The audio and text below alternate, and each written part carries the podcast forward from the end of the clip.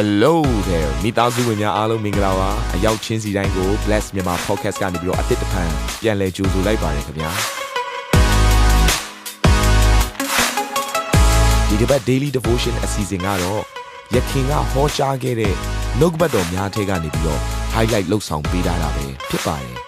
နာတော်တာစင်သူညီကောင်မောင်နှမများယနေ့နှုတ်ကပတ်တော်အားဖြင့်အပြခြင်းအသေးရရှိပါမည်အကြောင်းကျွန်တော်ကနေဆုတောင်းလိုက်ပါတယ်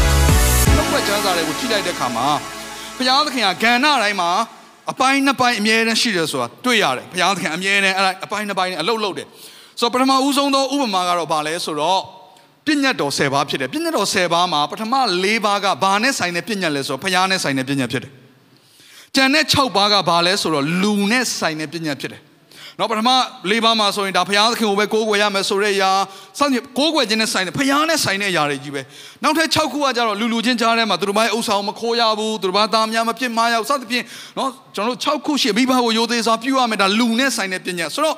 ဒါကပညာတော်10ပါးဒါနဲ့ဓမ္မသစ်ခင်မှာယေရှုခရစ်တော်ခေတ်ရောက်လာတော့ယေရှုခရစ်တော်ကိုဖာရိရှဲတွေကစုံစမ်းတယ်မေးတယ် ဘလို့မေးလဲဆိုတော့ကိုရောနော်ပြည့်ညက်ချက်အကြီးမြတ်ဆုံးသောပြည့်ညက်ချက်ကဘာများဖြစ်မလဲလို့ပြောတဲ့အခါမှာယေရှုခရစ်တော်ကဘာပြောလဲဆိုတော့သင်ဘုရားသခင်ထာဝရဘုရားကိုစိတ်နှလုံးကျွမ်းမဲ့ဉာဏ်ရှိသမျှနဲ့ချစ်လို့တဲ့နော်အဲ့ဒီအရာကပထမပြည့်ညက်ဖြစ်တယ်ဒါဆိုရင်နောက်ထပ်ပြည့်ညက်တစ်ခုကဘာလဲဆိုတော့ကိုနဲ့ဆက်ဆိုင်သောသူကိုကိုနဲ့များချစ်လို့အဲ့ဒီပြည့်ညက်နှစ်ပါးဟာပြည့်ညက်ဒီကျမ်းအနာဂတ်ဒီကျမ်းအားလုံးရဲ့အချုပ်ဖြစ်တယ်ဆိုတော့အဲ့ဒီပြည့်ညက်ချက်အချုပ်နှစ်ခုမှလည်းဘာပါလဲပထမတစ်ခုကဖျားနဲ့ဆိုင်တဲ့အရာ သင်ဘုရားသခင်ထာဝရဘုရားကိုစိတ်နှလုံးအကျွမ်းမဲ့ဉာဏ်ရှိသမျှနဲ့ချစ်ပါဒုတိယပညာကဘာလဲကိုနဲ့ဆက်ဆိုင်သောသူကိုကိုနဲ့အများချစ်ပါလူလူချင်းကြားထဲမှာဖြစ်တယ်ဆိုတော့အဲ့လိုအပိုင်းနှစ်ပိုင်းအဲ့တော့ကျွန်တော်တို့ငွေကြေးပိုင်းဆိုင်ရာကိုကျွန်တော်လေ့လာတဲ့အခါမှာလည်းဒီသဘောပဲတွေ့ရတယ်ငွေကြေးပိုင်းဆိုင်ရာမှာလည်းအပိုင်းနှစ်ပိုင်းပဲရှိတယ်အဲ့ဒါကဘာလဲဆိုတော့ပထမတစ်ပိုင်းကဘုရားသခင်နဲ့ဆိုင်တဲ့ငွေကြေးဖြစ်တယ်ဒုတိယတစ်ခုကတော့ဆော့ဆော့ကပြောသူလူတွေကိုပတ်စံချီငားတဲ့ကိစ္စတွေမာစားတွေဆိုတော့လူနဲ့ဆိုင်တဲ့ ဂျားထဲမှာသုံးတယ်နော်ကိုအိမ်အတွက်သုံးမယ်ကိုအဝတ်စားအတွက်သုံးမယ်အစားအသောက်အတွက်သုံးမယ်ကိုပေးခြင်းတဲ့လူတွေကိုပေးမယ်ဒါလူနဲ့ဆိုင်တဲ့အရာဖြစ်တယ်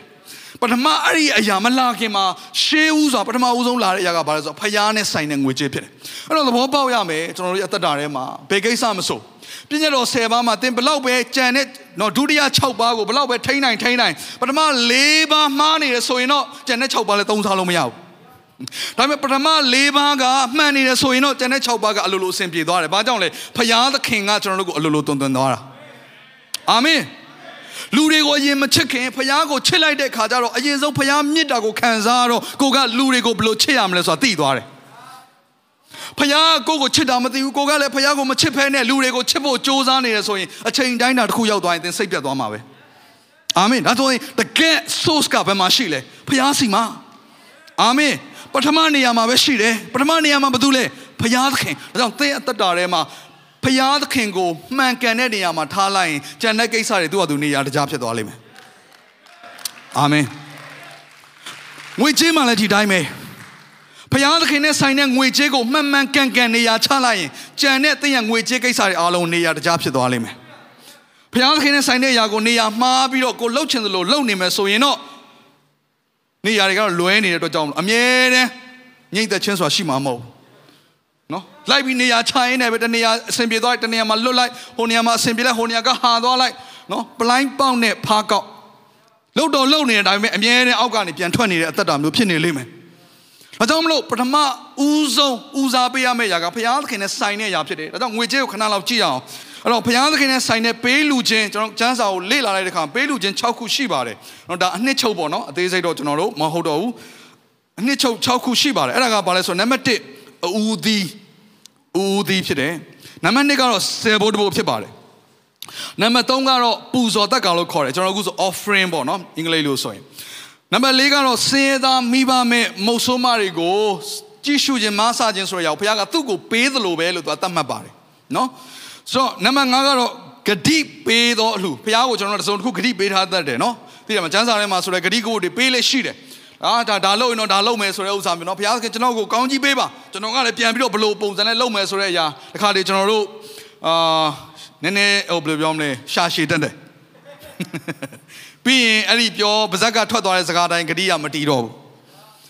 အဲ့တော့ကျမ်းစာတစ်ချက်မှာဒေသနာကျမ်းထဲမှာဘာပါလဲဆိုတော့ဘုရားရှေ့မှာတဲ့စကားပြောတဲ့အခါမှာမလှင်မြန်စေနဲ့တဲ့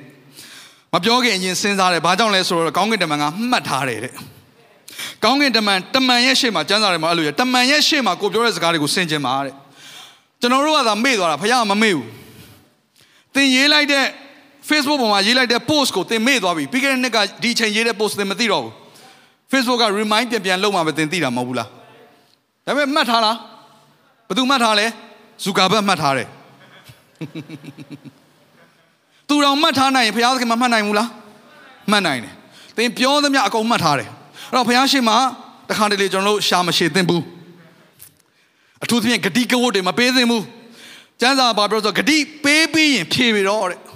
ဘာကြောင့်ဆိုဘုရားကစောင့်နေတယ်မှတ်ထားတယ်တဲ့အာမင်အဲ့တော့ဘုရားနဲ့ဆိုင်တဲ့ကိစ္စမှာနော်နံပါတ်5အချက်ဂတိပေးတဲ့အလှမှာဂတိတွေတိတ်မမြန်ဆန်စေနဲ့စောတိဟာကိုဂတိလာပေးတာကစောတိဟာမေ့မေ့သွားမှာပြဿနာမရှိဘူး ဖះရှိမှသွားမပြောမိစေနဲ့ဖះမှတ်ထားတယ်အဲ့တော့တကယ်လုံနိုင်မှဂတိပေးပါနံပါတ်6စေနာစိတ်ဖြင့်လှူသောအလှဖြစ်တယ်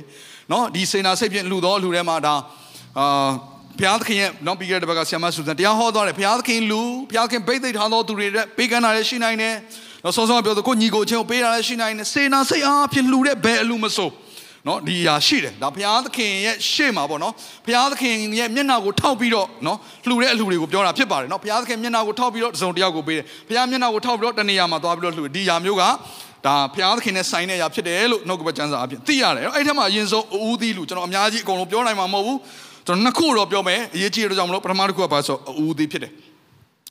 ဒီအူဒီနဲ့ပတ်သက်ပြီးတော့လဲဆရာတိုက်တက်စ်ကပြီးခဲ့တဲ့နှစ်ကနော်ဒီလိုမျိုးအချိန်မှာထင်ပါတယ်သူနှုတ်ကပတ်တော့ဝင်းကထားပြီးသားပြီးခဲ့တဲ့နှစ်နှစ်လောက်ကလာကျွန်တော်မမှတ်မိတော့ဘူးအူဒီနဲ့ပတ်သက်ပြီးတရားဟောချက်တစ်ပုတ်အသေးချာဝင်းကထားပါတယ်ဒီနေ့တော့ကျွန်တော်နည်းနည်းပဲပြောချင်တယ်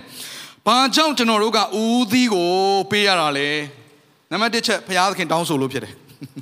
ကျမ်းစာထဲမှာလော့လို့ပြောတယ်။ဦးသီးပူဇော်သက်ကောင်ပူဇော်ပါတဲ့နော်။ဘုရားသခင်တောင်းဆိုရရဖြစ်တယ်။ဘာကြောင့်ဘုရားတောင်းဆိုလဲ။မှတ်မိစေဖို့ရန်အတွက်ဘာကိုမှတ်မိစေချင်တာလဲ။သင်ကိုရွေးကောက်ထားတယ်ဆိုတာကိုမှတ်မိစေချင်တာ။ ဘာအဖြစ်ရွေးကောက်လဲယေရှုခရစ်တော်အဖြစ်ရွေးကောက်ခြင်းကိုမှတ်မိစေချင်တာဘာဆိုင်လို့လဲဆရာဒါကလည်းအဦးသီးမထက်လဲကျွန်တော်မှတ်မိတာပဲလို့ပြောဆရာရှိတယ်ဒါပေမဲ့ကျမ်းစာကဘလို့ရေးလဲဆိုတော့ဘလို့ရေးလဲဆိုတော့တစ်ကောခန်းကြီး15အငယ်20မှာယခုမူကားခရစ်တော်သည်တေခြင်းမှထမြောက်တော်မူ၍အိပ်ပျော်သောသူတို့တွင်အဦးသီးသောအသီးဖြစ်တော်မူပြီတေခြင်းကိုအောင်သော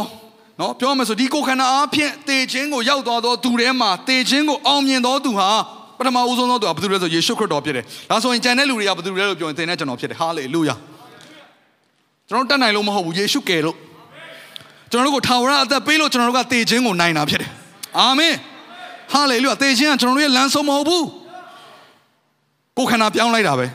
။ကိုယ်ခန္ဓာကိုပြောင်းဖို့ဒီကိုယ်ခန္ဓာကိုမြေကြီးတဲ့ကိုပြန်ထည့်ပေးလိုက်တာဒါပဲ။တေခြင်းဟာလမ်းဆုံးမဟုတ်ဘူး။ အဲ့ဒီအရာကိုဘသူအဖြစ်လုပ်တာလဲယေရှုအဖြစ်လုပ်တာယေရှုဟာအဲ့သေသောသူတွေကနေရှင်ပြန်ထမြောက်တဲ့မှာဦးသီးတွေဖြစ်တယ်တဲ့အဦးဆုံးသောသားဖြစ်တယ်တဲ့အာမင်ပြောမဆိုရင်အကြီးဆုံးသောသားလည်းဖြစ်တယ်ဟာလေလုယာသင်နဲ့ကျွန်တော်တို့ကအဲအငယ်လေးတွေအာမင်ဒါကြောင့်ယေရှုခရစ်တော်နဲ့ကျွန်တော်တို့ကညီကိုလဲတော်ပြန်တယ်ဟာလေလုယာအဲ့တော့ဣသရေလလူမျိုးတွေကိုဦးသီးလောက်ခိုင်းတယ်ရည်ရွယ်ချက်ကဘာလဲဆိုတော့သူတို့ကိုအဲဂုတုကနေပြီးတော့ထုတ်ဆောင်တဲ့ຢာကိုမှတ်မိစေခြင်းလို့ ဒါကြောင့်ဣသရေလလူမျိုးတွေရဲ့ပွဲတော်ခုနှစ်ခုမှာပထမပွဲကပတ်သက်ခါဒုတိယပွဲကကြတော့တဆေးမဲမုံစာပွဲတတိယပွဲကကြတော့အူသီးပူဇော်ပွဲအဲ့ဒီပွဲသုံးပွဲကဇက်တိုက်လောက်ရတာဆိုတော့ဣသရေလလူမျိုးတွေလောက်ခဲ့ကြတယ်ဘာမှလောက်လဲအေဂုရုပြည်မှာလောက်ခဲ့ကြတယ်သူတို့တခါအေဂုရုပြည်ကမှနော်ပတ်သက်ခါပွဲကိုလှုပ်ရင်းကနေအသွေးအဖြစ်သူတို့လွတ်မြောက်လာတဲ့အချိန်ကနေစပြီးတော့9ရက်ဇက်တိုက်ဘာစားရလဲဆိုတော့တဆေးမဲမုံကိုစားရတယ်အဲ့ဒါလည်းပြီးလဲပြီးတော့ဘယ်ကိုရောက်သွားလဲဆိုတော့ပင်လယ်နီရဲ့တစ်ဖက်ကမ်းကိုရောက်သွားတယ်သူတို့ဘာလုပ်လဲဆိုတော့အူသီးပူဇော်ပွဲလုပ်တယ်မြင်အောင်ကြည့်ပါ ပင်လယ်နီဆိုတာဟာရေနှစ်ချင်းခံခြင်းကိုပုံဆောင်တယ်။ရေနှစ်ချင်းခံခြင်းဆိုတာခရစ်တော်နဲ့အတူသေခြင်းခရစ်တော်နဲ့အတူရှင်ပြန်ထမြောက်ခြင်းကိုပုံဆောင်တယ်။အကြောင်းယေရှုကိုယတော်သူဟာသေလွန်တော်လည်းပဲအသက်ရှင်လိမ့်မယ်။အာမင်။နောက်သေခြင်းရဲ့တစ်ဖက်ကန်းလို့ပြောတယ်ပင်လယ်နီရဲ့တစ်ဖက်ကန်းဟိုမှာအေဂရုရှင်ဘုရင်လိုက်မလာနိုင်တော့ဘူး။ဟာလေလုယာ။အဲ့ဒီပင်လယ်နီရဲ့တစ်ဖက်ကန်းမှာဖခင်သခင်ရဲ့လူမျိုးဖြစ်တယ်လို့ဖခင်ကသူတို့ကိုငါရဲ့သားဦးဆိုပြီးတော့ဣသရေလလူမျိုးကိုသတ်မှတ်တယ်။သင်တို့ဟာငါပိုင်နဲ့ငါရဲ့သားဦးဖြစ်တယ်လို့ဣသရေလလူမျိုးကိုသတ်မှတ်တယ်။အဲ့ဒါကိုမမေ့ဖို့ရန်အလို့ငါ အဦးသီးကိုဘုရားသခင်အမြဲတမ်းတောင်းဆိုတယ်တုတ်တန်ခန်းကြီး3ငယ်9ကနေ10မှာတင်းသည်ကိုဥစ္စာနှင့်ဦးသီးသောအသီးနှင့်ရှိသမျှကိုထာဝရဘုရားပူဇော်လို့တို့ပြုလင်သင်၏စပယ်ကြီးတို့သည်ကျွယ်ဝ၍စပစ်သီးနေရာတစားတို့သည်တစားတို့ကိုအသစ်သောစပြည့်ရရှံလိမ့်မည်ဦးသီးနဲ့ဆိုင်တဲ့ကောင်းကြီးမင်္ဂလာရှိတယ်အာမင်အဲ့တော့ဦးသီးနဲ့ပတ်သက်ပြီးကျွန်တော်ဒီလောက်ပဲပြောချင်တယ် နော်ဒီကျမ်းပိုင်းနှစ်ပိုက်ဆိုလုံလောက်မယ်လို့ထင်တယ်ကျွန်တော်အသင်ကိစ္စဖြစ်ပါတယ်